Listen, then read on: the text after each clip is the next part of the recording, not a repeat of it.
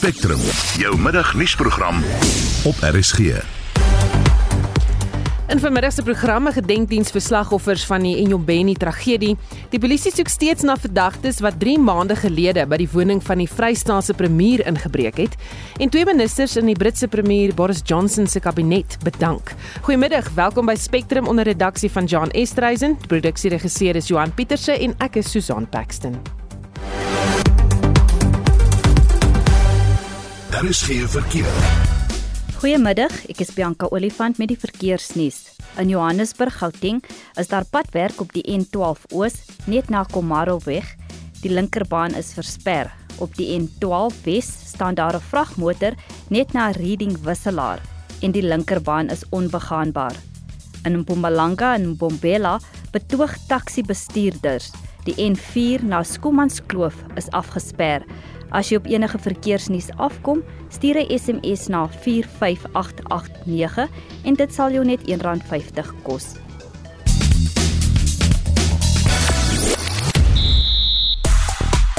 In tennisnuus, Rafa Nadal soek nog 'n Wimbledon semifinaal terwyl Australier Nick Kyrgios ook in aksie is nadat dit gister bevestig is dat hy 'n aanrandingssaak in die gesig staar danksy 'n klag teen 'n voormalige vriendin. En in sokkernuus, dui alles daarop dat Cristiano Ronaldo Manchester United wil verlaat. 'n Volledige bulletin volg net na 12:30. Die Hitsmerk en jou Benny Tavern is een van die gewildste onderwerpe op die oomblik. Dit handel oor daardie massa begrafnis vir die tieners wat uh, 10 dae terug dood is in die Oos-Kaap. Nog 'n gewilde onderwerp, Bekkie Cele. Beide hierdie onderwerpe word binnekort op Spectrum bespreek en uh, dit is aangrypende visuele beelde wat deur deurkom daarvan hierdie begrafnis af. As jy dalk uh, kan kyk dan moet jy kyk. Regtig aangrypend iets om oor te dink. Maar ons vra vandag die wysigingswetsontwerp op basiese onderwys oftewel die Bila wetsontwerp stel verskeie veranderinge aan die skolewet voor een daarvan poog om beheer aan die departement van basiese onderwys te gee in die bepaling van openbare skole se taalbeleid kurrikulums en lyfstrafpraktyke. Dink jy die departement is bevoeg om hierdie besluite namens skole te neem? Deel jou mening oor die voorgestelde wysigings deur 'n SMS te stuur na 45889. SMS se kos R1.50 per boodskap of praat saam op die Monitor en Spectrum Facebookblad. By gans 6 minute oor 12 jy luister na Spectrum. Die DA sê dit is ongehoor dat hy nie genooi is na 'n gemeenskapsvergadering in Gugulethu op die Kaapse vlakte wat deur die minister van polisie Bekkie Cele bygewoon is nie. Verskeie gemeenskapsgroepe en polisieeringsforums het die vergadering bygewoon. 'n Bekgeveg het egter tussen Cele en Ian Cameron van Action Society uitgebreek tydens verrigtinge terwyl die minister aan die woord was.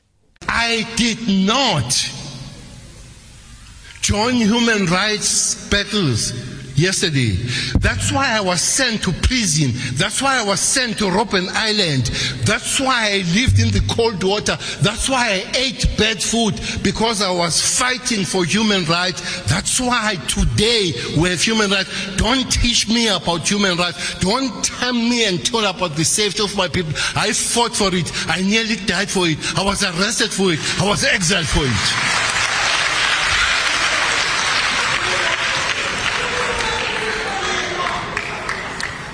Don't, don't provoke me.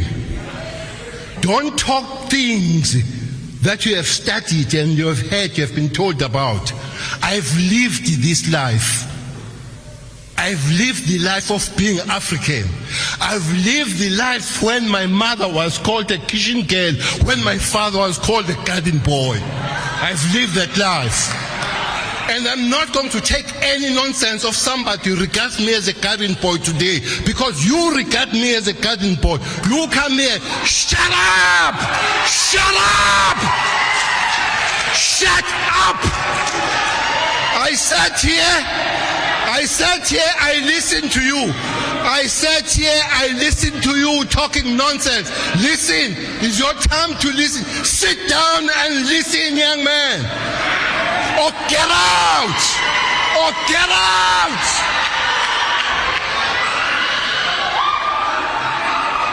Get out!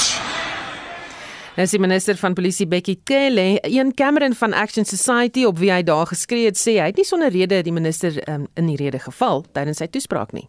Dit was maar 'n stormloop van dinge. Ek dink kom ons begin by die begin. Die rede wat ek daar was gister is ons as Action Society het 'n mandaat van 'n paar families in daai area, meer aan Kaalicha se kant eintlik, maar hier en daar in Gugulethu waar hulle geliefdes verloor het as gevolg van geslagsgeweld of dan nou wat oorleef het maar baie seer gemaak het as gevolg van geslagsgeweld.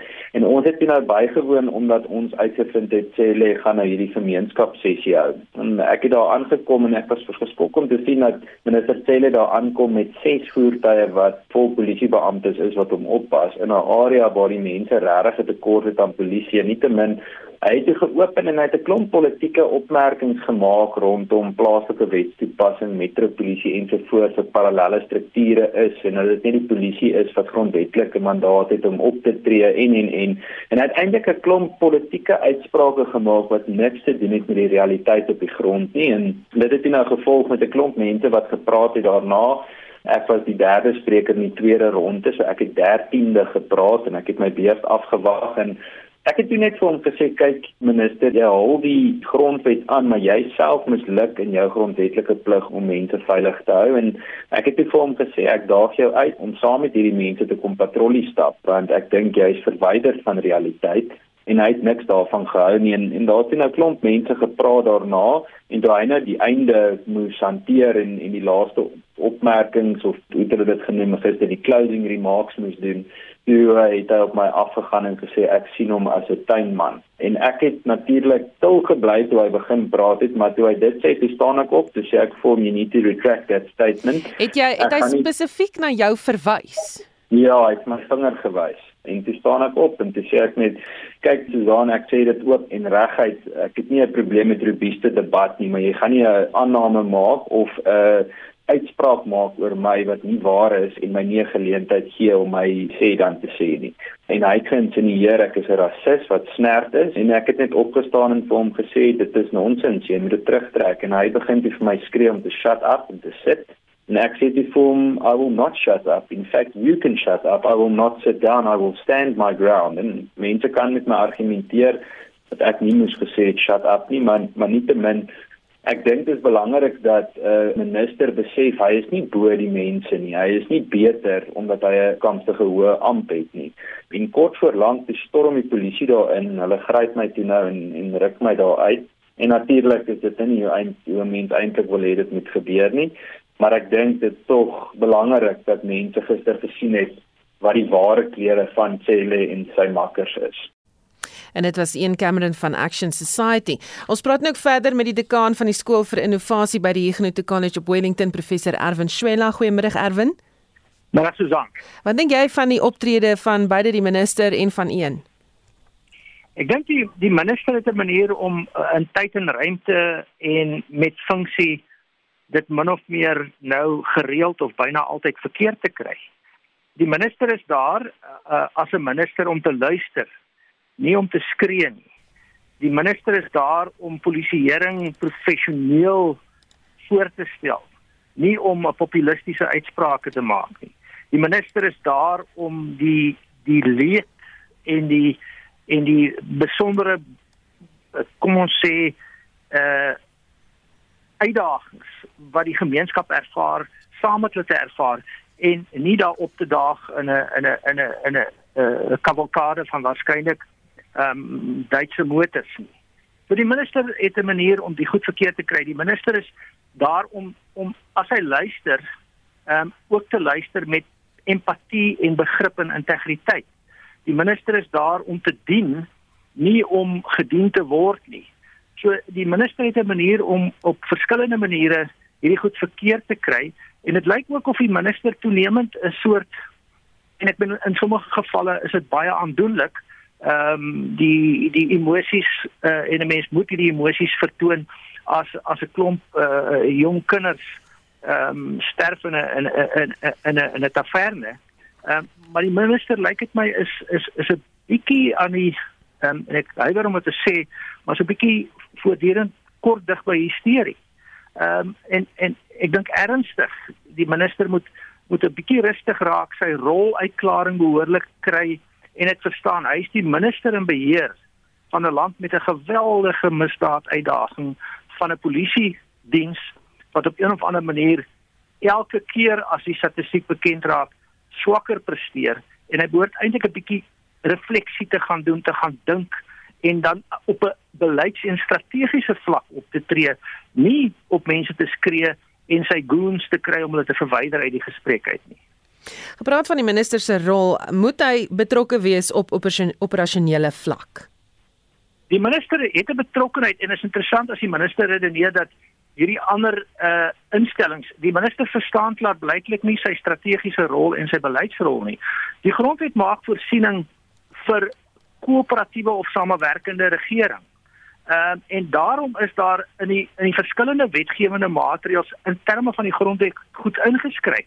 Soos byvoorbeeld uh gemeenskapspolisieering en byvoorbeeld uh buurtwagte en byvoorbeeld gemeenskapspolisieforums.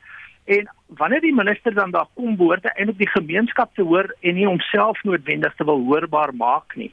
Ehm um, so die die die die die, die minister se begrip van sy rol as as 'n minister as 'n as 'n uitvoerende politieke amptbekleer is ook gebrekkig. Ehm um, en uh, uh, uh, hy behoort eintlik bereid te wees om selfs as daar onderbrekings is en as ek nou na meneer Cameron geluister het, het hy het hy het hy gereageer op die minister en daaroor kan 'n mens ook 'n gesprek voer. Maar ehm um, die minister het skynbaar nie 'n begrip vir wat sy rol as 'n minister is op die vlak van die strategiese denke, die die die verbinding en verbintenisse met die gemeenskap en uiteindelik die beleidsaspekte nie. Ehm um, hy uh, hy kan operasioneel betrokke raak en meneer Cameron het ons toeloops uitgedaag om stap saam met ons patrollie. Dis dalk 'n goeie rol as hy wil operasioneel betrokke raak in plaas daarvan dat hy die polisiekommissaris of die plaaslike polisie se se se se se se uh gesprekke namens hulle wil vervoer. Word hy en selfs ander politieke leiers toenemend meer aggressief in hulle benadering en gesprekke met die publiek?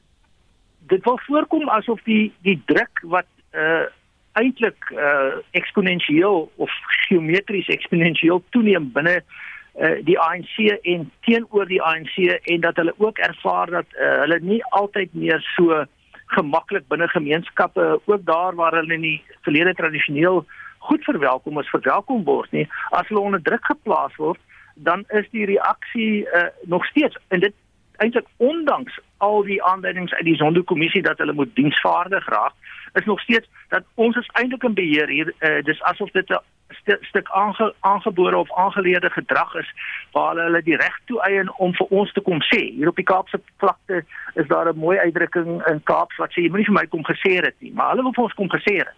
Um, en ons het dit nie van hulle nodig nie. Hulle kan ons net kom dien en kom luister en en ons pyn en leed aanvoel dan sal hulle op 'n empatiese manier ook beter vaar um, en dit het te maak met 'n persoonlike en 'n professionele inkleding van 'n rol wat eintlik goed omskryf is en wat die minister moet ophou om te probeer om alles te beheer ehm um, soos byvoorbeeld om op strande rond te jaag ehm um, uh, en um, met likse kavalkades rond te ry. Baie dankie dit was professor Erwin Swela die dekaan van die skool vir innovasie by die Huguenot College op Wellington. Die polisie ondersoek steeds 'n saak van huisbraak wat 3 maande gelede by die Vrystaatse premier Sissin Tombela se woning in Frankfurt aangemeld is. Maar die DA voel dat die omstandighede rondom die inbraak toegesmeer word, Bianca Olifant berig. Volgens 'n sekuriteitsbeampte aan diens is die kombuisdeur se diefwering oopgesny en die slaapkamer deurhandvatsel beskadig. Die skade beloop sowat R5000, maar die ondersoek duur voort vir die gesteelde items. Die woordvoerder van die premier, Palesa Jubisi het bevestig dat die inbraak wel plaasgevind het. We can confirm that the robbery occurred in Frankfurt and the matter was reported to the police. As it is now, we cannot divulge any further information because it's being investigated by the police. It happened, I think it's about three months ago. It's not a new thing. Volgens die polisiewoordvoerder, Brigadier Motanzi Magele, is daar nog niemand in hegtenis geneem vir die misdaad nie. No, there's no arrest. Investigation is progressing and part of it is obtaining list and everything which might have been stolen. Die DA-leier en die Vrystaatse wetgewer, Roy Jenkinson, het ook sy mening gedeel. Dit is elke burger se verpligting insluitend die premier dat indien 'n misdaad gepleeg is, dat hierdie misdaad by die polisie gerapporteer word en dat hulle hulle samewerking gee en die nodige verklaringe by die polisie aflê. En onder meer moet die verklaring ook insluit presies wat gesteel is, want daar is beweringe, ernstige beweringe dat daar groot bedrag geld uit haar huis gesteel is. Sy het dit nog nie ontken nie en hoe langer sy neem om die verklaring af te lê by die polisie onder eed, hoe langer sal hierdie wolk oor haar kop hang. Die DA voel dat die inbraak by die premier se huis toegesmeer word. Daar behoort by die premier se woning kameras te wees en daai inligting behoort ook aan die polisie oorhandig te word. Um, daar word beweer dat sy weier soos met die verklaring wat sy moet aflê om daai inligting aan die polisie te gee en dit versterk die beweringe dat daar wel kontant was en dat hierdie kontant gesteel is en ons het ook in die wetgewer genoem dat ons vermoed dat dit verskillende ANC faksies is wat mekaar nou begin beroog. Dit was Roy Jenkinson van die DA in die Vrystaat. Ek is Bianca Olifant vir SAK nuus. President Cyril Ramaphosa se besluit om vandag se begrafnis van die slagoffers van die tragedie by die taverne in die Oos-Kaap by te woon, is uit verskillende oorde gekritiseer. Die ANC Jeugliga in die provinsie is van die wat uitgevaar het teen die besluit en gesê het hy is nie welkom nie. Die Jeugliga vooraan dat Ramaphosa se regering niks doen om jeug te bemagtig nie en dus is hy nie welkom nie. Ons praat met professor Andrei Dievenage, politieke ontleder van die Noordwes Besigheidsskool. Goeiemôre Andrei. Middag Susan. Maak dit wat die jeugliga sê sin in die lig van hierdie tragedie? Uh ek sal nie sê dit maak sin nie. Ek sal sê dit is deel van 'n groter, baie meer omvangryke strategie uh wat gebruik word om die magsbasis van meneer Ramaphosa te ondermyn, sy legitimiteit te ondergrawe en hom as leier die heeltyd onder verdenking te plaas en letterlik elke geleentheid moontlik word in die verband gebruik en wat ons hier sien is met tye weerstand wat op 'n voetsool vlak na vore kom. Ons het al gesien dat hy die aftog geblaas het by 'n uh, bepaalde vergadering selfs voor die verkiesing van 2021. En is dit 'n goeie besluit van die president om wel die begrafnis vandag by te woon? Wel, 'n uh, begrafnis is gewoonlik die geleentheid wat die ANC en baie ander swart groeperinge gebruik om steun te organiseer en te mobiliseer. So in daai sin is dit belangrik. Uiteraard is die groot vraag of dit dalk kontraproduktief kan wees en dit kan wees dat daar 'n teenmobilisasie teen meneer Ramaphosa na vore kan tree In so 'n geval sal dit natuurlik uiters negatief wees. Ek wil net weer beklemtoon dat hierdie maar een aspek is van 'n baie meer omvangryke strategie en poging om meneer Ramaphosa te ontsetel, te ontmagtig en in 'n slegte lig te stel. Daar's ook 'n klomp eh, dan nou wat betref hierdie die president, daar's 'n klomp besluite geneem deur die ANC en die K onlangs veral na die Zondo verslag. Dink jy dis skielike optrede van hulle kant af? Nee, glad nie. Ek verwag dat die ANC as 'n organisasie gewoonlik besluite neem, maar wanneer dit kom by implementering, is dit baie stadig, baie geleidelik en sommige gevalle vind dit nie plaas nie. Veral waar dit gaan oor kontroversiële en omstrede sake. En die hele kwessie van die Zondo-kommissie is uiters hoogs omstrede en lê in die wortel van die interne gevegte, die faksiegevegte en so meer binne die ANC. So ek verwag nie sterk en daadwerklike optrede nie, ook die besluite ten opsigte van Eskom, uh, waar daar nou 'n uh, herroeping is of 'n poging gaan wees om kennis terug te bring in die organisasie, ander beheer te fasiliteer en so meer. Ek verwag nie vinnige en sterk optrede nie. Die ANC is bekend daarvoor dat hy 'n organisasie baie praat baie sterk besluite neem, maar éventueel gebeur daar weinig op die grond. Ek verwag dat dit hierdie keer dieselfde gaan wees. Hmm. En die leierskapsreisies, dis nou vir die presidentskap aan die einde van die jaar. Dit is lyk like dit my ook onder bespreking. Hulle het byvoorbeeld besluit dat mense wat vir die presidentskap van die party wil staan, moet hulle befondsing bekend maak, maar dit voel vir my so amper bietjie mosterd na die maal. Wel, uh, ek moet sê op die oomblik is die hele kwessie van befondsing en geld en so meer geweldig kontroversieel geweldig omstrede. Ons het nou pas geluister na geld wat gesteel is in die Vrystaat ook Ons weet van die Pala Pala skandaal. Ons weet wat gebeur het by die 2017 ANC konferensie, die kopery en die oorkopery en die omkopery. Ek kan nie sien dat daardie patroon gaan verander nie. Ek kan ook nie maklik sien dat dit vanuit die ANC konsekwent en eenvormig afgedwing gaan word nie, want hier gaan dit letterlik oor leierskap, dit gaan hier oor oorlewing en op hierdie oomblik is in die hart van die ANC sien ons dat mense mag en invloed te koop aanbied en dit is in essensie waaroor korrupsie gaan en as hy struktuur vorm kry dan neem hy die vorm aan van endemiese korrupsie tot op die vlak van staatskaping. So dit is die kern van die probleem hier en ek sien nie dat die ANC dit gemaklik sal kan bestuur nie. Baie dankie. Dit was professor Andrei Dievenage, politieke ontleder van die Noordwes Besigheidsskool. Duisende roubeklaars vandag by Scenery Park in die Ooskaap byeengekom vir die simboliese begrafnis van 21 tieners. Die jong mense is die slagoffers van die Enyobeni tragedie by 'n taverne verlede week. 19 leekiste wat die leerdlinge verteenwoordig wat nog nie begrawe is nie, word tentoongestel by die hoogs emosionele byeenkoms. Marlenae Forsie het die verrigtinge bygewoon. The president arriving at this uh, particular stage. Die gemeenskap het die president se bywoning van die verrigtinge verwelkom, asook die premier van die provinsie Oscar Mabuyane. Hy het gesê die internasionale gemeenskap het ook hulle medelee betoon.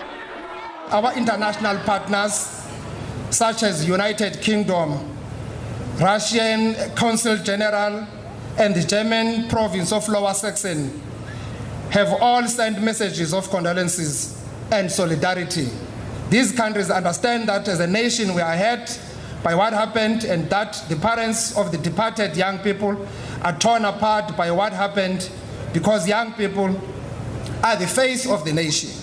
The young people we are here to bury were the hope of their families and by the extension the hope of our nation. Skoolleerdlinge het deelgeneem aan 'n Kersaansteek-seremonie en dit is in die twee rye kiste gestaan met foto's van die kinders wat hulle lewens verloor het. As Zipos Lindile was born on the 21st of January in 2006 in East London. Die ontslapene se familielede het ook die geleentheid gehad om die tieners se grafredes voor te hou. Azizipo was looking forward in completing his grade 12 and being a doctor one day. He is survived by his parents, sister, his loving grandmother, aunt, uncle, and his niece. We loved him and cherish the blessing he has been in our lives. Till we meet again, Jola, amen. En hierna het die skoolkoor die gemoedere gelig Bykans almal wat die geleentheid bygewoon het, was op hulle voete en het na hartelus saam gesing.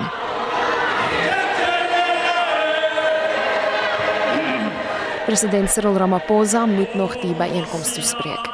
Marlene Forsie, SAK nuus. 1226 jy luister na Spectrum. Die stygende brandstofpryse is besig om druk op die eiendomsmark te plaas. Die ekonom van FNB John Lou sê al meer mense kan van die huis af werk en kies om so te werk na die pandemie en die hoë brandstofpryse. Dit is moeilik om enigiets te kwantifiseer in terme van impak op eiendom maar daar is 'n uh, paar indirekte en direkte impakte wat 'n mens kan identifiseer ek dink.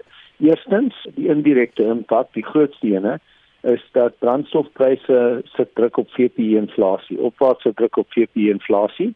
So dit is 'n groot bydraer tot rentekoerse wat styg. Dis 'n eienaam is 'n baie kredietgedrewe of kredietafhanklike mark, so die koste van krediet wat styg beteken dat die die vraag na eiendom gaan moontlik gedemp word. Ek dink ons het klaar gesien dat op die residensiële koopkant in onlangse maande was daar al 'n verlangsaming in vraag en ek dink op kommersieel ook in ons eiendomsmakelaars opname koopaktiwiteit veral in kantore en kleinhandel het al onder 'n bietjie druk gekom in die tweede kwartaal en ek dink dis die rentekoerse effek. So dis die indirekte, die groot indirekte effek, maar dit gaan verder as dit as 'n mens kyk na brandstofpryse.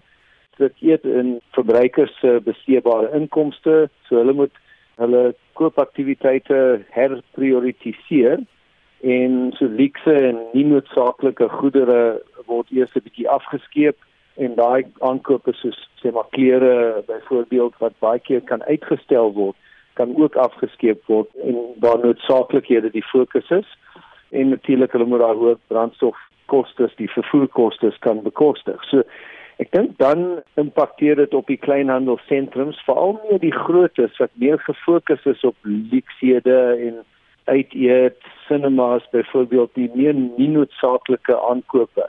So ek dink jou groter regional en super regional sentrums het 'n bietjie van 'n nadeel as gevolg van hoë brandstofpryse waar jou kleiner sentrums wat meer gefokus is op kos en daai noodsaaklike aankope, hulle is miskien minder geraak, maar ek dink kleinhandel sentrums word geraak hierdeur.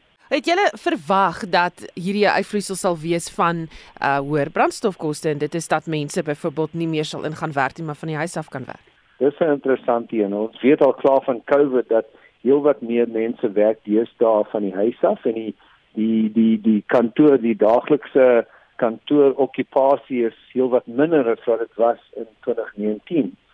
So dit sit al klaar jou vraag vir kantoorspasie onder druk in die nabye toekoms. Ek dink baie maatskappye sal hulle kantoor um, behoeftes hersien en minder kantoorruimte aanhou. Nou kom hoër brandstofpryse wat dis nog 'n bron van druk dink ek want ek dink dit moedig meer mense aan waar moontlik is om meer van die huis af te werk om aan brandstofkoste te bespaar. So dit kan so 'n bietjie ekstra druk vir die kantoor maar ook beteken. En dit was die ekonom van FNB John Loose. Jy luister na Spectrum. Elke week saterdag tussen 12 en 1. In die volgende halfuur die Britse premier Boris Johnson se stryd om politieke oorlewing woed voort nadat twee invloedryke ministers in sy kabinet bedank het. En die pos van inspekteur-generaal van die intelligensie is steeds vakant. Bly ingeskakel. Daar is geen verkeer. In die verkeer in Gauteng en Johannesburg staan daar 'n vragmotor op die N3 Suid net na Marlborough weg. Die linkerbaan is versper. In KwaZulu-Natal op die N3 Oos net voor die oprit na Hiltonweg staan daar 'n vragmotor. Die middelbaan is onbegaanbaar, verwag vertragings weens die opeenhopings. Daar is ook 'n botsing op die N2 Suid net voor EB Kloete wisselaar. Die linkerbaan is versper daar. En in Kaapstad in die Wes-Kaap is daar padwerk op die R300 Suid by Hindelweg. Die regterbaan is onbegaanbaar. Ek is Bianca Olifant met die verkeersnuus op Spectrum.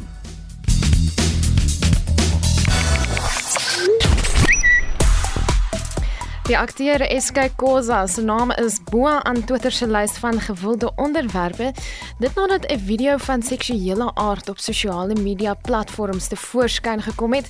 Heelwat ontevredenheid daaroor. Die uitsmerk en jou Benny Tavern is steeds in die Twitter top 5 dat die massa begrafnis vir daardie 21 tieners wat dood is, is steeds aan die gang. Ek sien president Cyril Ramaphosa het nou net daar voor die podium stelling ingeneem. Almal kan nie wag om te hoor wat hy hieroor te sê het nie. Ons gaan kyk of ons uh, dalk 'n stukkie van dit kan luister om te hoor wat hy sê. Maar intussen jou terugvoer oor die wysigingswetsontwerp op basiese onderwys. Uh, dit stel verskeie veranderinge aan die skolewet voor en ons vra vir jou dink jy die departement is bevoeg om die besluite namens skole te kan neem? En Almarie Vandenberg sê op Facebook, oh, dis nou Monitor en Spectrum se blad, nee. Johan Eberson sê dis 'n baie goeie idee. Beheerliggame neem tog net emosionele besluite en dan 'n klomp mense wat ook nog reageer op dit wat uh, Bekkie Cele uh, tydens 'n gemeenskapsvergadering gister gesê het. Ek kan dit ongelukkig nie lees nie want dit is nou nie leesbaar en vir almal se ore nie. So as jy vir my 'n SMS stuur en jy wil hê ek moet dit lees, dan gaan jy dit so moet stel dat ek dit wel kan lees en dat dit nie enige wette van die land oortree nie. Want intussen kan jy saamgesels oor enigiets waaroor ons berig 45889 SMS se kos R1.50. Udo Karel sê die jongste sportnuus. Skop af met tennisnuus. Alle oë is op die tweede dag van die kwart eindstryde by Wimbledon gevestig. Die aksie skop 2 uur af met die dames enkelspel waar Australier Alja Tomljanovic te staan kom teen Elena Rybakina van Kazakhstan. Die dag se tweede kwart eindstryd vir die dames is tussen 2019 kampioen Simona Halep van Roemenië en Amerikaner Amanda Anisimova. Ons Joubert van Tunesië en Tatiana Maria van Duitsland is reeds deur na die semifinaal. In die mans enkelspel speel Nick Kyrgios van Australië teen die Chileaner Cristian Garin. Kyrgios het net gister gehoor dat hy volgende maand 'n klag van aanranding moet verdedig teen 'n voormalige vriendin, Chiara Passari, wat die saak teen hom ingedien het. Die dag se laaste kwart eindstryd is die kragmeting tussen Rafa Nadal, die tweede gekeerde Spanjaard en die 11de gekeerde Amerikaner Taylor Fritz. Novak Djokovic en die Suid-Afrikaansgebore Brit Cameron Norrie is reeds deur na die semifinaal. In die junior dames enkelspel kom die dogter van die oud Springbok Ruben Kreer, Isabella, 1 uur te staan teen Meng Zhu van Brittanje vir 'n plek in die kwart eindstryd. In die dames AFCON toernooi speel groep B leiers Tunesië vanaand teen die derde geplaasde Zambië, terwyl die span heel onderaan die punte leer Togo teen Kameroen te staan kom. Ons dames speel eers môre aan teen Burundi, terwyl groep C leiers Botswana teen Nigerië speel. In die Premierliga dui alles daarop dat Cristiano Ronaldo Manchester United wil verlaat na slegs 1 seisoen weer terug by die klub. Leidensberigte, sy agent reeds besig met gesprekke met ander groot klubs in Europa. Hy het ook maandag die klub se eerste oefening misgeloop weens familieredes. En in fietsry behels vandag se 5de skof van die Tour de France, 155 km tussen Lille en Arenberg. Die geeltrui behoort tans aan die Belgiese ryer Wout van Aert van die Jumbo Visma span. Van Aert het gister 'n fantastiese rit gehad in die 4de skof toe hy man alleen weggebreek het op die laaste groot klim van die dag. Sy voorsprong tans 25 sekondes oor Yves Lampert van Quickstep Alpha Vinyl span. Udo Karlse van ons sportredaksie. Tyd vir nuus uit die buiteland. Die Britse premier Boris Johnson se stryd om oorlewing woed voort. Twee van sy mees invloedryke ministers het binne 10 minute van mekaar bedank. Kanselier Rishi Sunak en die minister van gesondheid Sajid Javid het gesê hulle kan nie met Johnson se leierskap identifiseer nie. Johnson het sy eerste verkiesing met 'n oorweldigende meerderheid stemme gewen, maar na die pandemie het sy gewildheid begin taan en hy het onlangs 'n mosie van wantroue teen hom oorleef. Maar hoeveel lewens het hy nog oor? Volgens die BBC se verslaggewer Asde Mashiri dink die koerante ook sy daas getel. If we start with the Times, you've got Johnson on the brink on the front page with Boris Johnson essentially taking up the whole front page. The Guardian and the Financial Times both have very similar headlines. PM on the brink. The Daily Telegraph here says that Johnson is hanging by a thread. The tabloids are typically a lot more colourful uh, and they didn't disappoint this morning. The Daily Mail goes with Can even Boris the greased piglet wiggle out of this? Nou vir sy mening oor Johnson se toekoms praat ons nou met Theo Venter, 'n professor by die College vir Besigheid en Ekonomie aan die Universiteit van Johannesburg. Goeiemôre Theo. Goeiemôre. So watter gebeure het toe aanleiding gegee tot die minister se bedanking? Wel, ehm um, Boris Johnson het iemand aangestel om na die morele sorg van die konservatiewe party om te sien. 'n uh, 'n man met die van van Pincher. En dit het toe gebleik dat hierdie ou het 'n baie baie vreemde agtergrond waar daar verskillende ehm um, goed alreeds met hom gebeur het waarby kinders en en ander vrouens by betrokke was en so aan. En die party het hom baie kwaadlik geneem vir hierdie aanstelling en tot so mate dat sy oordeel in twyfel getrek word. Daarom die twee senior ministers wat dank het en vandag nog twee junior ministers. Ek dink as jy net na die media kyk in in Londen en hulle is baie invloedryk. Hulle is uh, groot bepalers van die politiek. Dan uh, het uh, Boris Johnson probleme. En hoekom is die bedanking van juis die twee so belangrik? Wel, die een is die minister van finansies in ons terme, uh, chancellor of the exchequer en die ander een is die ander grootste departement is gesondheid. Ehm um, en hulle is uh, invloedryk senior ministers. Nou jou senior in in in Groot-Brittanje in die kabinet is daar 'n baie duidelike hiërargie van wie is senior en wie is junior en die soort van dinge. Nou jou senior ministers word altyd beskou as as iemand en persone wat die vertroue van die eerste minister het. En ek dink hulle bedanking dui aan dat daar 'n kraak in die vertroue is onder die senior lede van die kabinet rondom Boris Johnson. En wat is die impak van hierdie gebeure op die konservatiewe party se gewildheid, veral met sterk nuwe oppositie vanuit die Arbeidersparty? Ja, die die Arbeidersparty het 'n baie baie sterk nuwe leier, Jeremy Corbyn is uit en Sturmer is nou in en uh, hy hy um, hy lyk goed in die in die in die parlement. Uh die volgende verkiesing is eers in 2024, maar nou weet ons die Britte het nogal 'n ding om van tyd tot tyd 'n vinnige verkiesing, 'n snap election, wat hulle dit baie noem, uit te roep wanneer dinge nou regtig skeefloop. En dis iets wat Boris Johnson gedoen het en waar hy soveel steun gekry het. Maar ek dink wanneer die ehm um, steun binne die konservatiewe party en veral die agterbankers in die 1922 klub en hierdie ouens steun Boris Johnson begin draai dan kry hy dieselfde probleme wat iemand soos uh, Margaret Thatcher gehad het. Die party het eintlik teen haar gedraai. Theresa May, sy voorganger, het op dieselfde manier eintlik uh, haar politieke um, einde op hierdie manier bereik en uh, Boris Johnson se probleem gaan gaan uit die konservatiewe party uitkom, nie van die oppositiepartye af. Hm.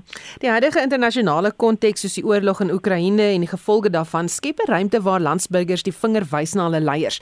Ooreageer die Britte of is dit tyd vir nuwe leierskap daar?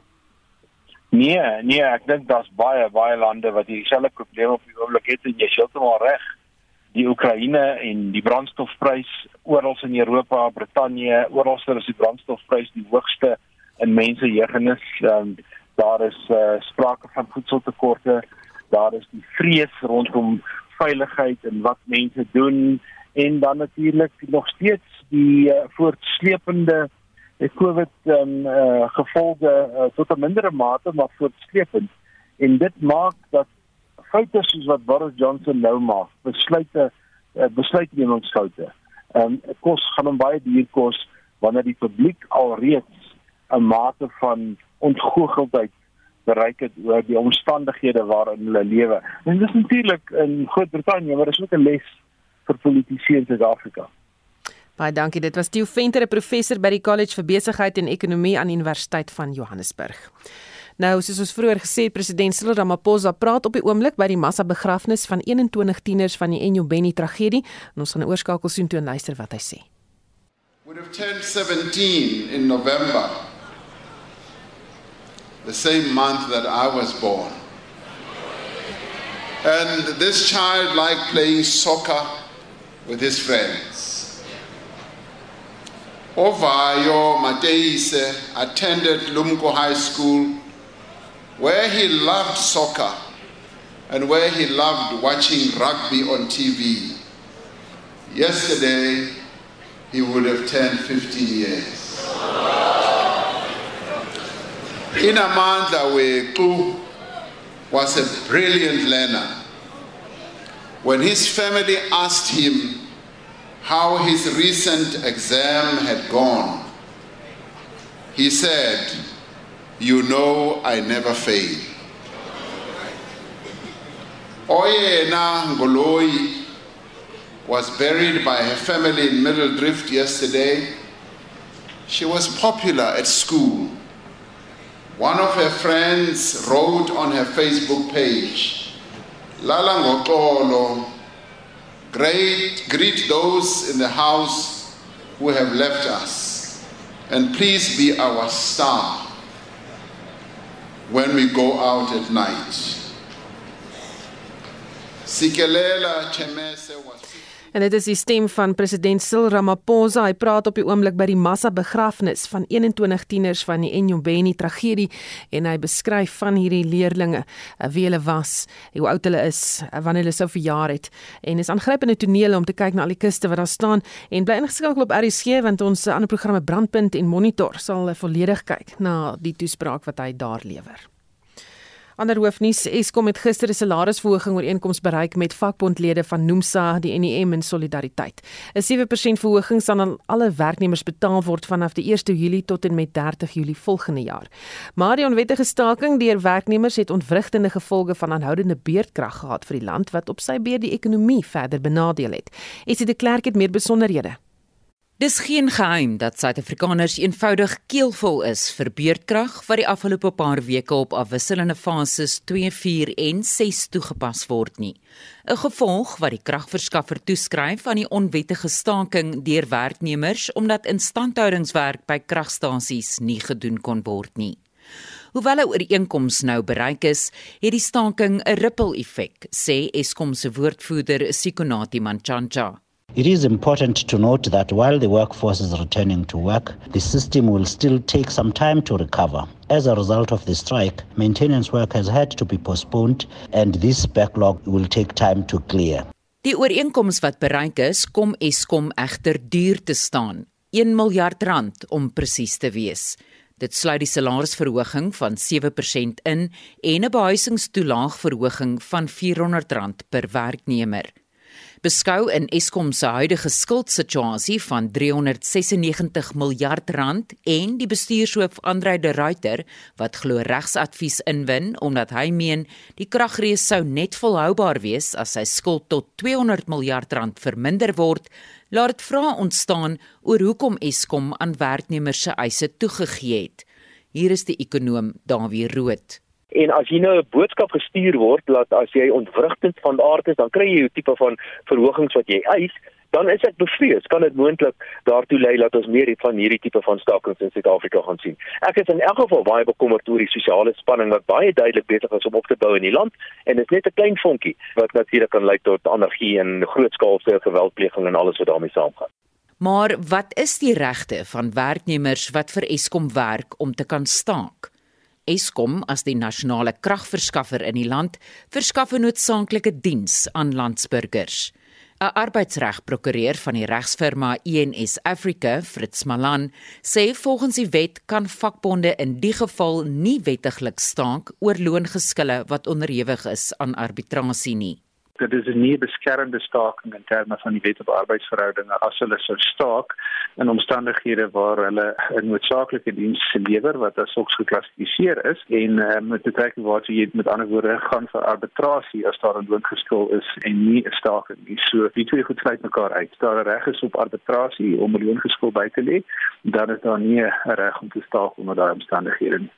Balans sê 'n werkgewer, in die geval Eskom, sou ingevolge die wet op arbeidsverhoudinge skadevergoeding kon eis van vakbonde indien die vakbond tot die staking ingestem het daar is 'n potensiële eis eh, ten opsigte van die vakbonde self is dit nie noodwendig 'n uh, baie maklike vraag om te antwoord nie want dit hang af van die omstandighede en die mate waartoe die vakbonde hulle self geassosieer het met die staking. En dan is dit opgeleid dat byvoorbeeld die mynwerkers in die wel gesê het dat hulle hulle lede geadviseer het dat die staking onwettig is en dat hulle moet terug gaan werk. En so dit hang af of die vakbond hulle self geassosieer het met die die onwettige optrede. Wat werknemers betref onder daardie omstandighede sou 'n eis in teorie moontlik wees maar dit mag dalk moontlik veel by wyse van verhaling vir 'n werkgewer wat die soort van skade gelei het wat Eskom gelei het onder hierdie omstandighede nie. Maar daar is 'n moontlikheid.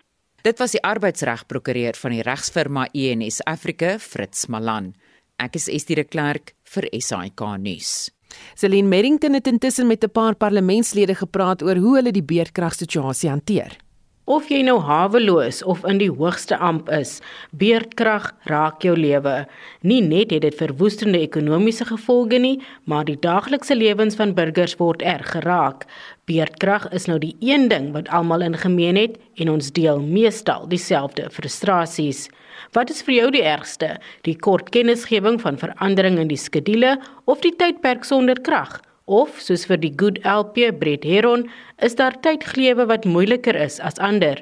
Just like everybody else in South Africa, I'm truly fed up with the inconvenience of Eskom and its load shedding. Personally, for me, it is the two evening load shedding slots that are the worst.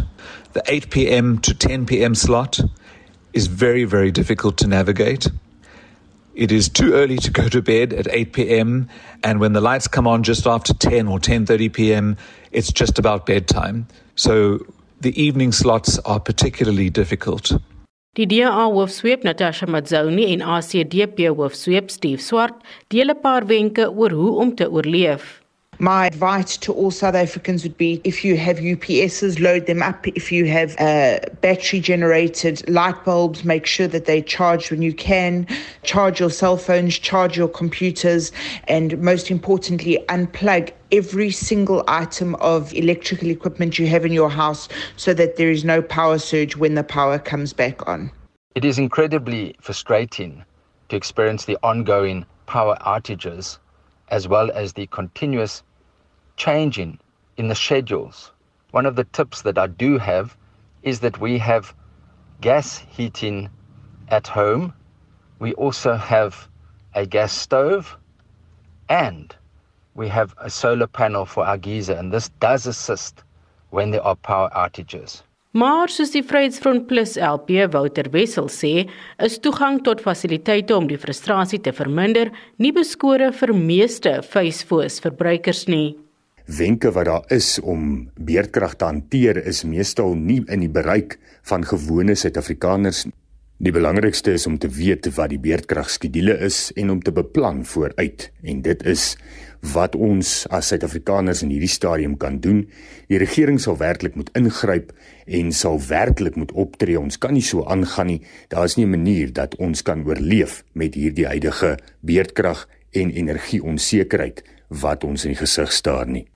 Dit was die Vryheidsfront Plus LP Wouter Wessels, Zelin Merrington, Parlement. Die sake nuus word aangebied deur Robert Cameron, hy is 'n portefeuillebesitter by Fisher Dugmore Sekuriteite. Goeiemiddag Robert. Uh, goeiemôre Susan, goeiemôre luisteraars. Ja, ons sien die marker stel uh, lekker vandag. Uh, dit is nou die sterk val in pryse van gister. Die indeks vir alle aandele sterker met 1,6% op hierdie stadium, hy's op met 1010 punte. Uh die indeks vlak op uh, 66015 punte.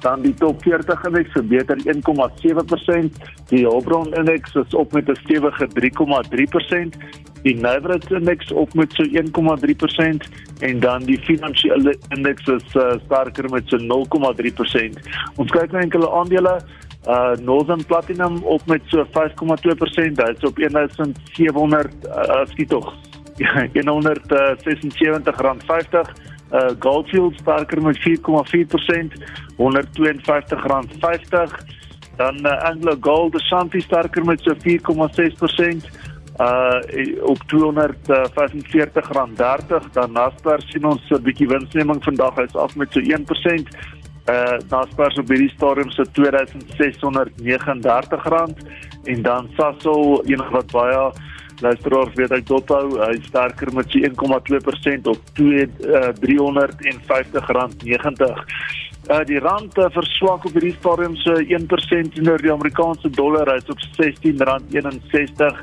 uh euro kos jou R17.05 dis af met so 0,5% en 'n Britse pond staan op so R19.93 kommoditeitspryse die goudprys 1760 dollar per fyn ons Die platinum dollar uh, prys is af met is op hierdie stadium so 861 dollar en dan die Brent olie prys op hierdie stadium sterker met so 1,1%. Dit is net so onder 104 dollar per vatjie. Oornag sien ons hierdie Dow Jones uh, so 0,4% verloor die uh, Hang Seng vroegoggend in die rooi gesluit met 1,2%. Uh die groot Europese markte egter ook sterker vandag. Die FTSE 100 in Londen op met 1,8%, die DAX in Frankfurt versterk 1,5% en dan die CAC 40 in Parys uh, op met so 1,7%. Dan laasens die S&P termynmark op hierdie stadium maar redelik onveranderd af met so 0,1%. Dit dui dan op 'n swakker opening uit Amerika later vanmiddag. Baie dankie dit is een van vandag se sake nuus. En dit was Robert Cameron, 'n portefeuillebesitter by Fisher Dugmore Sekuriteite. Suid-Afrika se intelligensiediens funksioneer weer eens sonder 'n inspekteur-generaal nadat die parlement nie verlede maand konsensus kon bereik om Setlo Mamamaru Dintwe te vervang nie. Sy termyn het in Maart verstryk. Die ANC se kandidaat eerwaarde Frank Shikani kon nie 'n tweede daar vir 2/3 meerderheid bereik vir die aanstelling nie en Essie de Klerk het meer besonderhede. Oor die afgelope paar jaar het die land se intelligensieagentskappe onderskoot gekom. 'n Hoofvlak oorsig ondersoek onder leiding van die voormalige minister van Veiligheid en Sekuriteit, Sidney Mofamadi, het ernstige gebreke uitgewys. So ook wys die verslag van die Staatskapingskommissie vingers na verskeie hooggeplaastes wat na bewering betrokke was by die beïnvloeding van die Staatsveiligheidsagentskap. Die inspekteur-generaal vervul 'n onafhanklike rol om 'n wakende oog te hou oor die voorkoming van ongeruimthede in die staatsveiligheidsagentskap. Die parlement was veronderstel om 'n opvolger vir Sethlo Mamaru Dintwe aan te stel sedert April. Hier is die DA parlementslid Diane Kole Barnard en die EFF se Mbuyiseni Ndlozi. The question has to be asked is whether an ANC cadre would stand up and act if an issue arose against a lifelong colleague, perhaps a minister. He would be put in an impossible situation. It's a matter of credibility. It's highly unlikely a working member in one of the three services would believe that he would take their side rather than the side of his good comrade. To recommend a 71 year old that has had his time, it's a greater statement of no confidence in the youth and the talent of this country. Gareth Newman van die Instituut vir Sekuriteitsstudies verduidelik hoekom die kantoor van die inspekteur-generaal so belangrik is. When there are allegations of abuses or if there's evidence that the powers that the intelligence agencies have are being misused, abused or not being effectively used, there's a structure that can do an independent investigation, get access to all the information that's required to make an assessment as to whether the allegations are true or not, and to make sure that the intelligence capabilities are being used properly and effectively. Hy sê dit is kommerwekkend dat die amp nog nie gevul is nie. It means that there's no real oversight taking place of the intelligence capabilities. And as you've seen from recent Zondo reports, how badly that capability was misused during former President Zuma's administration, where billions of rands got stolen and the agencies were actually used not to improve the security of the people of the country, but were targeting those in civil society, in the media, and other places, and were being completely misused for political purposes. Parlementsittings hervat eers weer in Augustus. Die verslag is saamgestel deur Joseph Mosia en ek is Estie de Klerk vir SAK nuus skryf verskeie luisteraars wat boodskappe stuur oor 'n verkeersprobleem in Bombela se Nelspruit. Ehm um, dis op die N4 amper al die toevoerroetes en roetes na die Wildtuin word deur uh, mense blokkeer. Lyk my dit gaan oor uh, die brandstofprys. Tot die pad in Barberton is geblok sê een persoon. Dankie vir al die inligting wat jy gestuur het daaroor. Ek sien dat van die ehm um, sekuriteitsmense Louveld Security Jock noem hulle self of dit is waar die SMS vandaan kom. Uh sê mense moet maar eerder die middestad vir my daar in Nelspruit of in Bombela want uh, dit is die verkeer is eh, groot gemors soos die paai toegemaak oopgemaak word en dan is daar betogings mense wat bande brand so dit kan uh, gevaarlik wees en of tot frustrasie lei so vir my maar die gebied as jy kan dis in Bombela as uh, gevolg van die protes wat daar aan die gang is.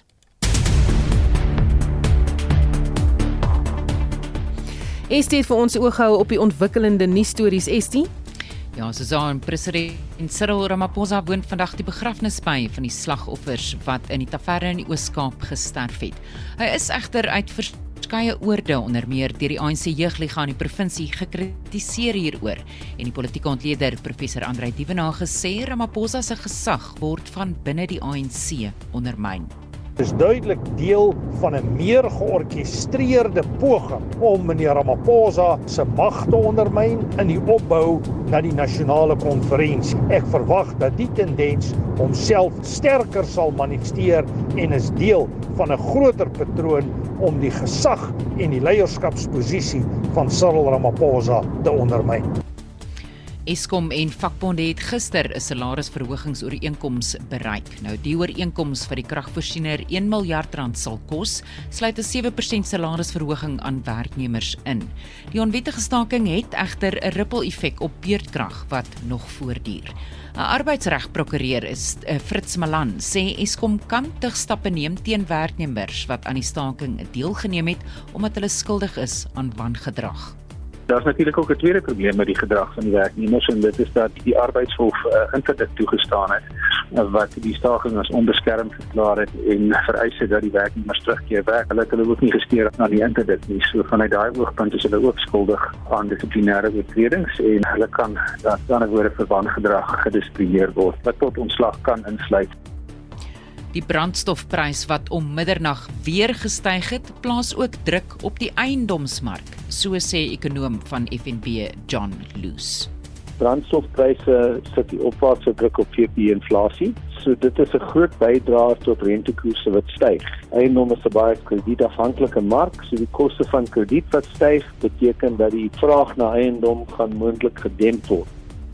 En daar word al sedert gister gegons oor 'n bekgeveg wat uitgebreek het tussen die minister van polisie Bekkie Cele en Ian Cameron van Action Society by 'n gemeenskapsvergadering in Gugulethu op die Kaapse vlakte. Nou Cele was daar om die gemeenskap oor die hoë misdaad vlakke toe te spreek. Maar die DA is nie na die vergadering uitgenooi nie. En ons berig verder oor die storie in Brandpunt om kwart voor 6 vanmiddag. Baie dankie. Dit was Estie wat vir ons 'n oorsig gegee het oor vandag se nuusstories. Ons tyd vir nog so 1 of 2 SMS'e voor ons groet. Die taverne sage wys vinger na ouers en polisie wat nie klopjagte doen nie. Wette moet net toegepas word en ouers moet weer opvoeders word. Hierdie geleentheid wys die waardes van die mense. Dis Pikkie wat so sê op 'n SMS. Natuurlik kan jy saamgesels op alles waaroor ons eh, berig het vanmiddag. Jy kan vir ons 'n SMS stuur. Jy kan gaan kyk op ons Monitor en Spectrum Facebook bladsy wat alles daar aangaan en daar saamgesels. Onthou vorige uitsending van al ons nuusaktualiteitsprogramme is op RSG. Dit gee gaan na rsg.co.za en onthou om in te skakel vir brandpunt kwart voor 6 vanmiddag vir 'n samevatting van die dag se nuusgebeure en natuurlik môre is dit monitor môreoggend tussen 6 en 7 met Udo Karelse. Ons groet namens ons uitvoerende regisseur Nicoline de Wee, die redakteur John Estreisen, die produksieregisseur is Johan Pieterse. Ek is Susan Paxton, bly ingeskakel vir 360.